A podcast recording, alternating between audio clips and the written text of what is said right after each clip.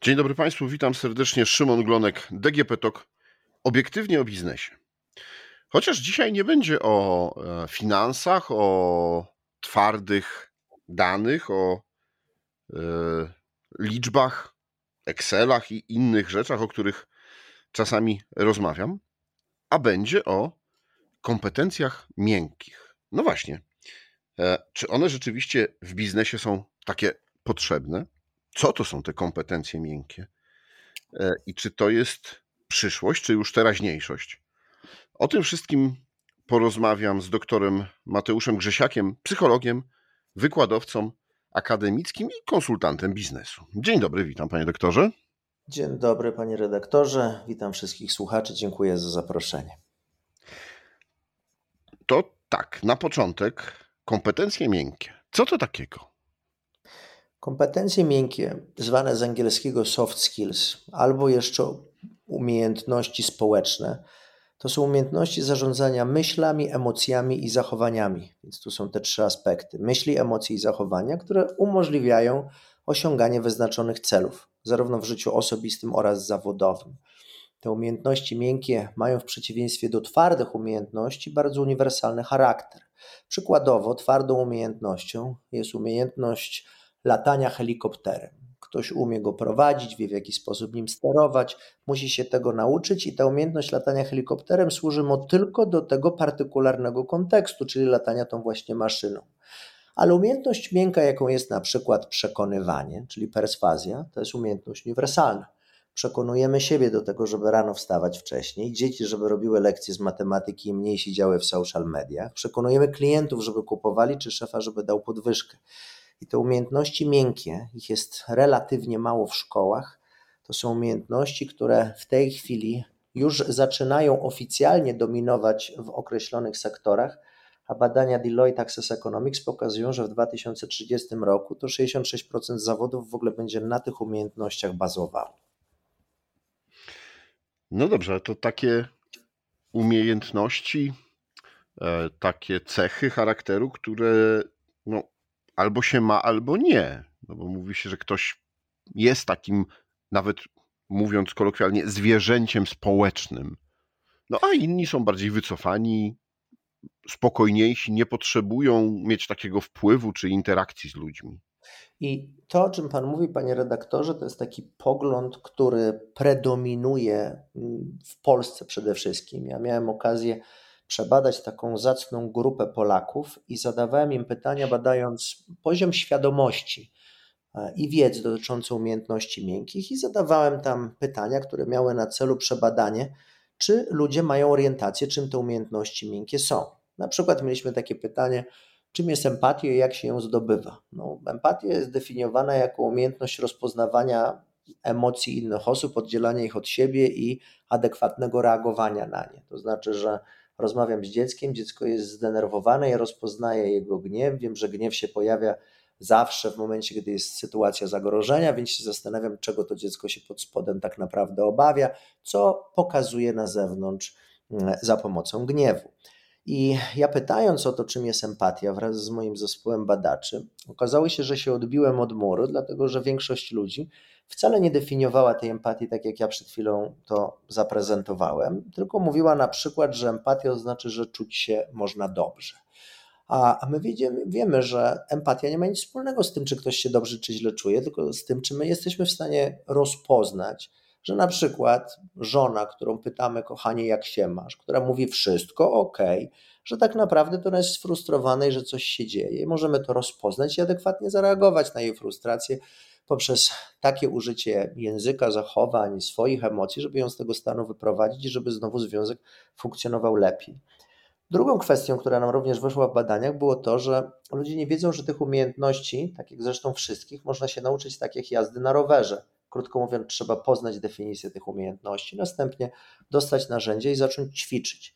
Pojawiły się koncepcje, że te umiejętności są rzekomo wrodzone, albo że ktoś na przykład z takim poziomem empatii się rodzi. Nic bardziej błędnego. Jak pomyślimy o takich umiejętnościach, jak na przykład umiejętność występów publicznych, albo umiejętność mm, inwestowania, czy umiejętność budowania marki osobistej, planowania, regulacji emocji, decydowania, motywowania, to to nie są rzeczy, z którymi my się rodzimy, zresztą z żadnymi umiejętnościami poza instynktami się nie rodzimy, tylko my te umiejętności nabywamy. Nabywamy je w procesie edukacji, w mniejszym stopniu w szkole w Polsce, ze względu na to, iż Polska stoi systemem edukacyjnym twardym, w przeciwieństwie do chociażby Stanów Zjednoczonych, czy Hiszpanii, czy innych systemów edukacyjnych. A po drugie, my nie jesteśmy świadomi ze względu na brak mainstreamizacji, popularyzacji tego zjawiska, czym w gruncie rzeczy umiejętności miękkie są. Szkoda, bo jak sobie weźmiemy pod uwagę, że co szósty Polak ma zdiagnozowane zaburzenie lękowe, czyli słynny polski katastrofizm albo czarnowictwo jest zaburzeniem psychicznym, półtora miliona Polaków ma depresję zdiagnozowaną. E, najczęściej w Europie po mm, bodajże Litwinach nastolatkami najczęściej odbierającymi sobie życie są niestety polskie dzieci. E, spożywa się w Polsce 12 litrów czystego alkoholu per capita rocznie, co jest poziomem, od którego zaczyna się degeneracja społeczna, to my naprawdę mamy określonego rodzaju problemy o charakterze społecznym, które musimy zaadresować, ale my nie wiemy, z czego one wynikają. Typowy Polak nie zastanawia się, dlaczego sięga po alkohol, a my wiemy, że sięga po alkohol wtedy, kiedy nie radzi sobie ze swoimi emocjami. No i tutaj wchodzą umiejętności miękkie, które w dziale pod tytułem inteligencja emocjonalna uczą rozpoznawać te emocje, radzić sobie z nimi, diagnozować problemy, w odpowiedni sposób wpływać na regulację układu nerwowego, dzięki czemu ten ktoś może być szczęśliwszy w życiu. Więc nie rodzimy się z nimi, panie redaktorze, my je zdobywamy. I ja święcie wierzę, że jak wprowadzimy je do szkół, tak jak to uczyniono w wielu nowoczesnych systemach edukacyjnych, to to się przyczyni w bardzo pozytywny sposób do wzrostu jakości życia, nie tylko indywidualnego, jednostkowego, ale także całego narodu. Czyli jednym słowem, podsumowując i tak trochę dopytując jeszcze, mhm. to nie jest tylko kwestia biznesu, to nie jest tylko e, kwestia e, umiejętności w pracy, e, ale to jest kwestia naszego, jakości naszego życia. Tak, dokładnie, ma Pan rację, bo umiejętności miękkie mają uniwersalny charakter. Jak sobie popatrzymy na kwestię związaną z chociażby konceptem motywowania. Oto bardzo popularna umiejętność miękka. Wszyscy wiedzą, że motywacja jest ważna, ale jak przyjdzie co do czego i zapytamy przeciętnego zjadacza chleba powiemy do niego: Franku, drogi Franku albo Kasiu, w jaki sposób się fachowo motywować? To oni już nie bardzo wiedzą. Na pewno nie zdefiniują, że motywacja to jest energia, która jest potrzebna do tego, żeby rozpocząć, utrzymać oraz zakończyć działanie. Może powiedzą, że motywacja to przysłowiowy kop, albo gdy mówią nie chce mi się, to nie wiedzą, że to nie chce mi się jest wewnętrznym sabotażem wynikającym z konfliktu, w którym prawdopodobnie korzystają z mechanizmu motywującego pod tytułem muszę albo powinienem, który powoduje wewnętrzny opór. Więc ta motywacja jest nie tylko potrzebna do tego, żebyśmy my na przykład chcieli uprawiać sport, co jest obiektywnie dla nas dobre i zdrowe. Ta motywacja również służy do tego, żeby zmotywować pracowników, żeby dostarczali wyników, za które są odpowiedzialni, albo tego, żebyśmy my zmotywowali siebie, żeby przeczytać książkę zamiast siedzieć na przykład przed telewizorem i potencjalnie tracić czas, uciekając od nudy czy od zmęczenia w ekran, w który nie patrzymy. Albo motywacja do tego, żeby wywołać impuls zakupowy u klienta, żeby wybrał akurat naszą ofertę, a nie ofertę konkurencji. Ta motywacja jest wszędzie, w każdym kontekście. I to, co jest bardzo ciekawe i wierzę, że korzystne w modelu umiejętności miękkich, czy w paradygmacie właśnie kompetencji społecznych, to jest to, że nie ma kontekstu życiowego, w którym nie można by było z nich korzystać. Na przykład zarządzanie pokoleniami. Przecież to jest potrzebne zarówno w pracy, gdzie możemy mieć szefa baby boomersa, urodzonego w latach 46-64, przyzwyczajonego do, przyzwyczajonego do zasadniczej formy komunikacji, będącego w pionowej strukturze, w której ten, kto jest starszy stażem, ma większą możliwość dominowania nad pozostałymi, jak i mamy milenialsów, zetki czy wkrótce pokolenie alfa, na razie jeszcze kilkunastolatki, więc nie pracują, którzy są zupełnie inni. Jak my pomyślimy sobie, że pokolenie alf urodzonych po 2010 roku, czyli moja córka się akurat dwunastoletnia na to łapie, będzie, proszę sobie wyobrazić, panie redaktorze, zmieniała miejsce zamieszkania według statystyk 15 razy w ciągu życia, pracę 18 razy, a zawód 6 razy, no to my mamy do czynienia z horrendalnie innym pokoleniem, kierującym się innymi wartościami. I my tego potrzebujemy, zarówno do tego, żeby zrozumieć nasze dzieci, bo inaczej po prostu jako rodzice się z nimi nie dogadamy, bo nie będziemy wiedzieli, jakie ono ma wartości, czego się boi, e, czym się motywuje, czym się kieruje i tak dalej. Nie dogadamy się też z własnymi rodzicami. Oni dla odmiany nie będą wiedzieli, jak na nas wpłynąć, z czym pewnie będziemy mieli do czynienia w święta, gdy te rodziny się po jakiejś dłuższej nieobecności spotkają ale w pracy będziemy też mieli kłopoty, w, których, w którym to możemy niespecjalnie wiedzieć, jak się dogadać ze starszym szefem albo z młodszym pracownikiem. Tych konfliktów można by było uniknąć, gdyby złapać się za działkę pod tytułem różnorodność międzypokoleniowa albo pokoleniowa i zacząć zarządzać różnymi pokoleniami, dokładniej poznać. To są umiejętności miękkie, precyzyjniej komunikacja między pokoleniami i one są potrzebne nam wszędzie. Więc oczywiście rację Pan ma mówiąc, że one nie tylko dotyczą biznesu, one dotyczą całości naszego życia. Okej, okay.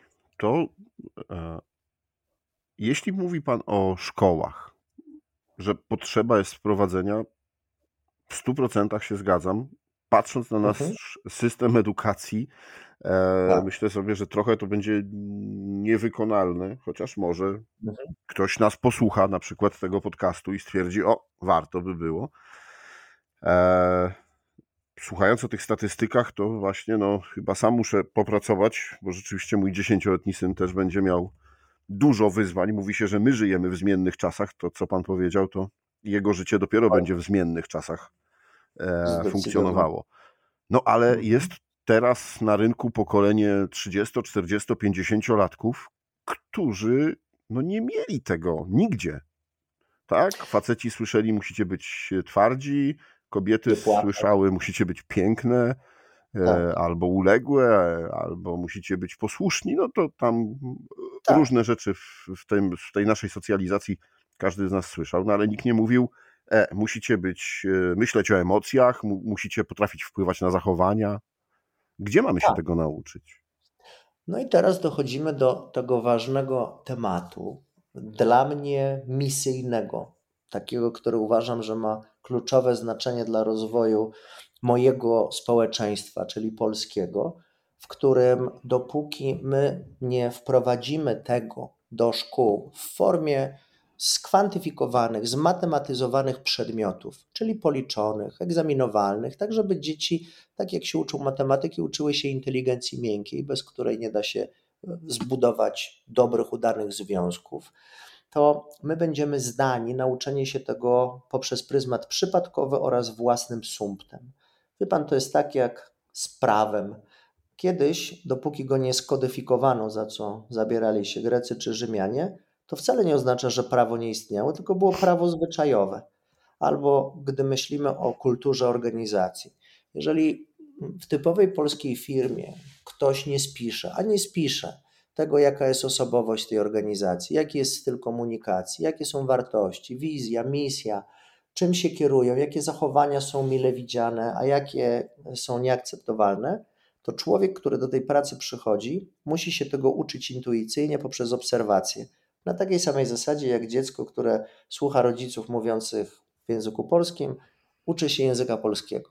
Ale w momencie, gdyby tę kulturę organizacji opisać, i na kilku stronach wyjaśnić pracownikowi, czego może się w tej organizacji spodziewać. Na przykład, my jesteśmy kulturą drapieżną nastawioną na wyniki, albo jesteśmy kulturą relacyjną, firmą rodzinną, której głównym celem jest to, żeby szerzyć dobro mm, dla lokalnej gastronomii. To wtedy ktoś mógłby dostać konkretną wiedzę i przepis procedury, w jaki sposób coś funkcjonuje. I to by się stało, gdyby człowiek poszedł do szkoły i się tego uczył. Gdy tego w szkole nie ma, to to nie znaczy, że ktoś nie uczy się inteligencji emocjonalnej, no bo przecież wszyscy mamy z emocjami do czynienia na co dzień. Tylko dowcip polega na tym, że ponieważ się ich nie uczy, to poziom jest po pierwsze niski, a po drugie nie zmatematyzowany, niepoliczony, a co za tym idzie przypadkowy. Weźmy sobie sytuację pod tytułem gniew. Oto najpopularniejsza reakcja biologiczna organizmu. Z gniewem wiele osób ma problemy. Kobiety okazują gniew, generalizując oczywiście, bo może być różnie, ale są przyzwyczajone do innej formy okazywania gniewu. Badania pokazują, że nie ma więcej agresji wśród mężczyzn.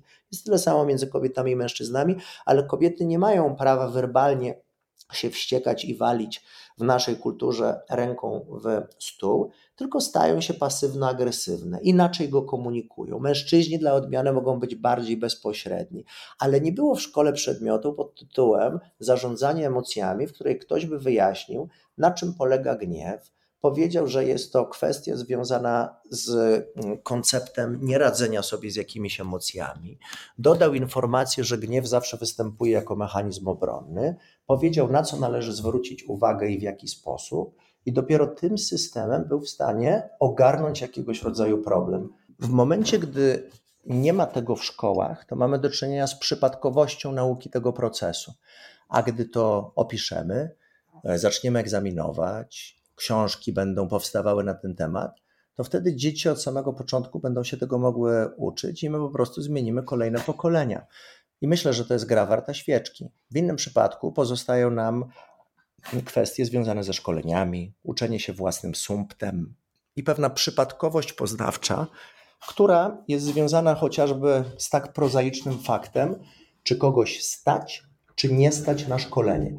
A mi jako komuś, kto się tym zawodowo zajmuje, z jednej strony to jest oczywiste, że robiąc biznes, mając firmę szkoleniową, mam klientów dzięki temu, że to nie jest wszemi wobec dostępne, ale z drugiej strony serce mi się kraje, ponieważ wiem, że na ten moment tylko ci, co są świadomi i finansowo do tego przygotowani, mogą sobie pozwolić na to, żeby na przykład wychowywać swoje dzieci w duchu rozwoju z zakresu inteligencji emocjonalnej. A wszyscy powinni się tego uczyć, bo to jest wszystkim potrzebne, bo mamy pewne problemy, o których wcześniej wspominaliśmy na poziomie społecznym, które trzeba zaadresować, myślę, że z perspektywy rządu, który powinien dbać o obywateli również pod kątem higieny psychicznej. Panie końcu... doktorze, no tak, ale mhm. to o czym Pan mówi, to jest cały czas e, przyszłość zgadzam się, że jeśli nie zaczniemy mhm. jej dzisiaj e, tworzyć, no to będziemy ją odsuwać w czasie i kolejne osoby kończące, e, kolejne pokolenia kończące szkoły, no, będą miały te braki, o których my dzisiaj wiemy, że społeczeństwo je już ma. Ale e, no właśnie, bo w, mam taki przykład.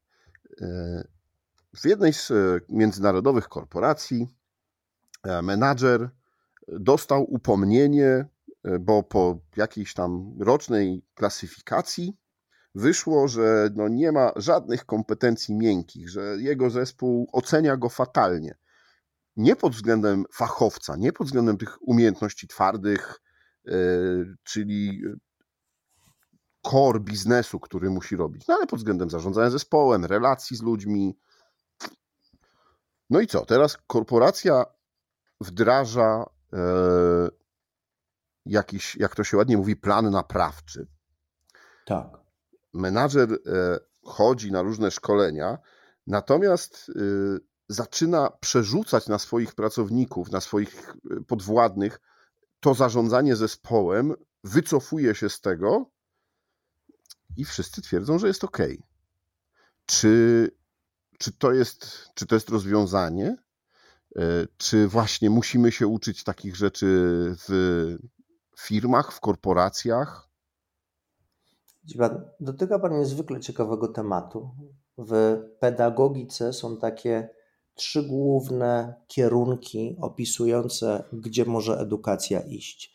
Jeden nazywa się emancypacyjny, drugi adaptacyjny, a trzeci krytyczny. Kierunek emancypacyjny edukacji polega na tym, że się rozwijamy jako ludzie uczy się Pan czegoś, poznaje wiedzę, staje się Pan szczęśliwszym, pełniejszym, dojrzalszym, inteligentniejszym człowiekiem. Nie służy to żadnym celom, ani korporacyjnym, ani firmowym. Robi to Pan dla siebie i dzięki temu wszyscy ludzie, którzy Pana poznają, dzięki kompetencjom, które Pan zdobył, stają się również podmiotem oddziaływania tych nowych kompetencji. Kierunek adaptacyjny natomiast, czyli taki, który jest bardziej znany rynkowi, działa zupełnie inaczej to jest kierunek rozwoju, który polega na tym, żeby się uczyć umiejętności, ale tylko po coś. Na przykład przychodzą sprzedawcy na szkolenie, do trenera sprzedaży i zadaniem nie jest to, żeby oni zmienili swoje życie na lepsze czy rozwiązali jakieś problemy. Zadaniem jest to, żeby nauczyć ich takich taktyk sprzedażowych, dzięki którym oni zrealizują jeszcze bardziej wyśrubowane KPI. Kierunek krytyczny natomiast to jest kwestia umiejętnego spojrzenia na otaczającą nas rzeczywistość i powiedzenia: Mamy z czymś problem, musimy to rozwiązać.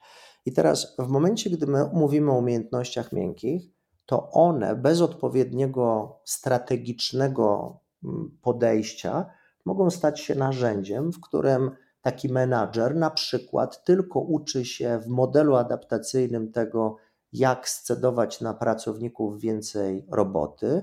Oni są śrubowani pod kątem wyników. Korporacja patrzy na e, swoje Excele, wyniki się zgadzają i wszyscy interesariusze, szczególnie ci po stronie akcjonariuszy, są zadowoleni, ale ci pracownicy pod spodem są coraz bardziej wypalani, dlatego że nikt nie uwzględnia ich potrzeb. W momencie, gdy my mówimy więc o całościowym rozwoju i też modelu, w którym nowoczesne przywództwo zmierza, czy w ogóle biorąc pod uwagę makroanalizę, modele sustainability, diversity, to, że ma być zrównoważony rozwój, to my już nie będziemy mówili tylko i wyłącznie o adaptacji szkoleń do tego, żeby śrubować wyniki, ale coraz częściej mówimy o higienie psychicznej pracownika.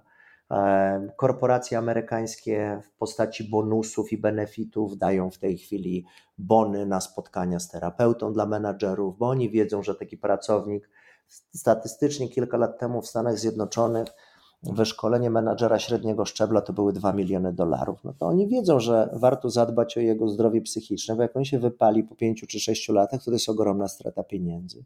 Przywództwo partycypacyjne, demokratyczne, które zaprasza wszystkich do współtworzenia organizacji, to są wszystko aspekty, które jak zostaną uwzględnione, to wtedy nie będziemy mieli do czynienia z sytuacją, w której nauka, edukacja, w tym również miękka, jest wykorzystywana tylko po to, żeby pracownik był lepszym robotem, tylko będziemy adresować jego całość rozwoju, również osobowościowego, i dzięki temu on będzie szczęśliwszym człowiekiem, co oczywiście wpłynie bardzo pozytywnie, choć będą związane z tym pewne trudności, na to, że ten pracownik będzie coraz więcej wymagał od firm, no ale to dobrze, że będzie wymagał, bo one będą się zmieniały z takich drapieżno-kapitalistycznych, czyli to, w jaki sposób funkcjonuje biznes przez ostatnie kilkadziesiąt minimum lat, na takie, które są zdecydowanie bardziej zrównoważone i dbają o ludzi pod 360-stopniowym kątem. Proszę Państwa, jak e, słyszymy o kompetencjach miękkich, będzie się dużo mówiło, będzie się dużo, mm, mamy nadzieję, uczyło. Zresztą, tak jak pan doktor powiedział, chyba nie ma wyjścia i e, inaczej nasz świat, no właśnie, e, nie będzie się rozwijał i nie będzie stabilnie wzrastał, jeśli też nie zainwestujemy w to. Mamy nadzieję, że w Polsce ci, którzy decydują o naszej edukacji, usłyszą ten głos i, i postanowią rzeczywiście też wprowadzić to do szkół. Dziękuję panu bardzo tak. za rozmowę. Ja bardzo Moimi dziękuję, panie redaktorze.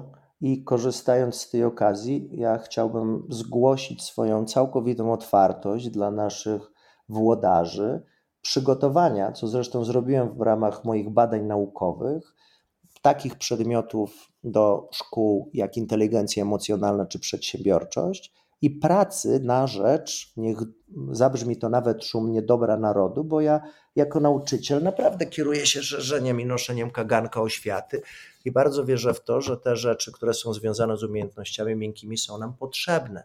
Nie tylko dlatego, że biznes się zmienia, ale przemysł się zmienia i wraz z postępującą robotyzacją ponad 40% stanowisk pracy jest zagrożona to, czy nam się podoba, czy nie, każdy z nas będzie pracował myśląc i komunikując się i w coraz mniejszym stopniu wykonując fizyczne ruchy. Taka jest przyszłość, a więc przyszłość jest miękka. I o tym na pewno jeszcze nie raz będziemy rozmawiać i myślę, że zaproszę pana e, doktora, żeby e, powiedział, jak e, wyglądają takie, jak mogą wyglądać takie lekcje i mhm. jak do tego doprowadzić, żeby nasze dzieci się tego uczyły. A dzisiaj już dziękuję, dziękuję Państwu za uwagę. Moim Państwa gościem był dr Mateusz Grzesiak, a to było obiektywnie o biznesie. Rozmawiał Szymon Glonek. Do usłyszenia.